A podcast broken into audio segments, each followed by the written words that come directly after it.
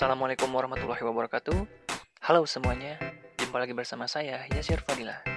Oh ya, terima kasih banyak karena kamu udah mendengarkan podcast ini.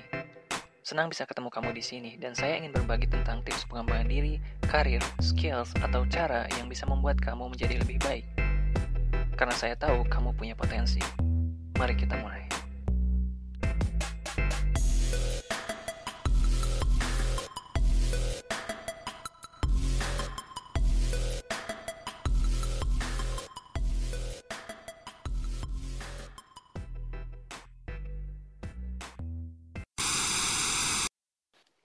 Saya terbiasa menjadi pekerja deadline ketika sekolah. Ya jadi saya nggak mempersiapkan tugas saya jauh-jauh hari sebelum deadline gitu. Sebelum batas waktu yang udah ditentuin sama gurunya. Itulah sebabnya selalu bikin saya kewalahan ketika mengerjakannya.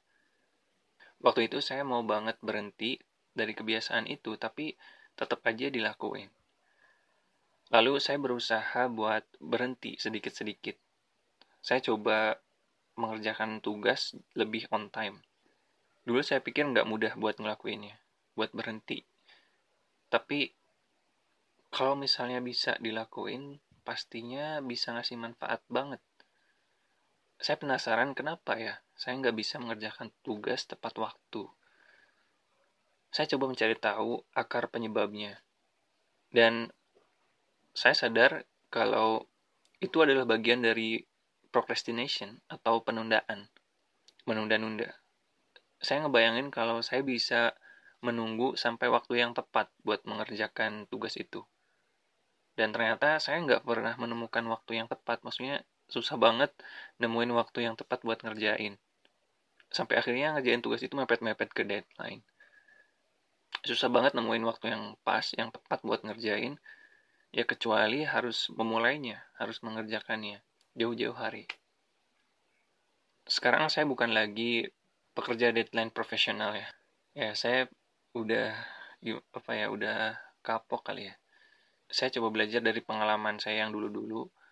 Nah, dan ternyata menyelesaikan tugas tepat waktu itu bisa ngasih kita banyak waktu sih. Bisa menghemat waktu, menghemat energi, dan juga pastinya bisa menjaga kesehatan mental kita.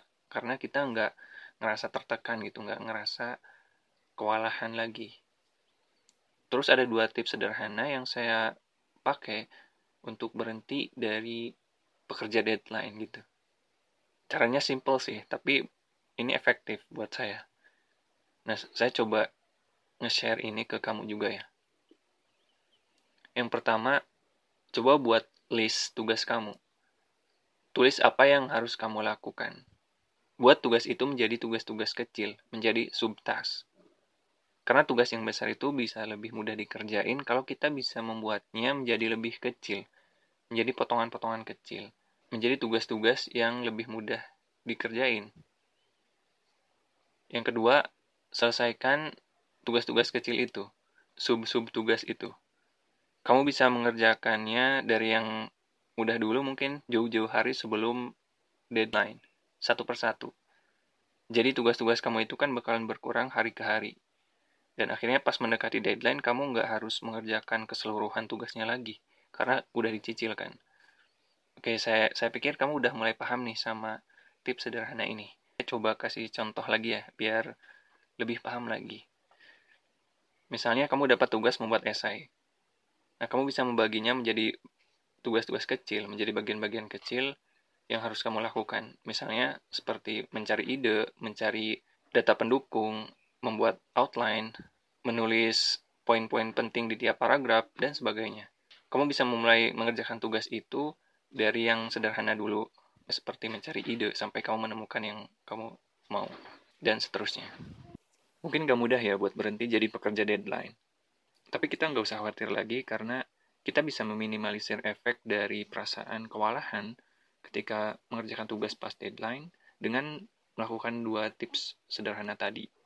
Jadi kita bisa mengerjakan tugas sedikit demi sedikit, segigit demi segigit, sampai akhirnya tugas itu beres. Semoga bermanfaat ya. Saya Sirfadila, sampai jumpa di episode selanjutnya.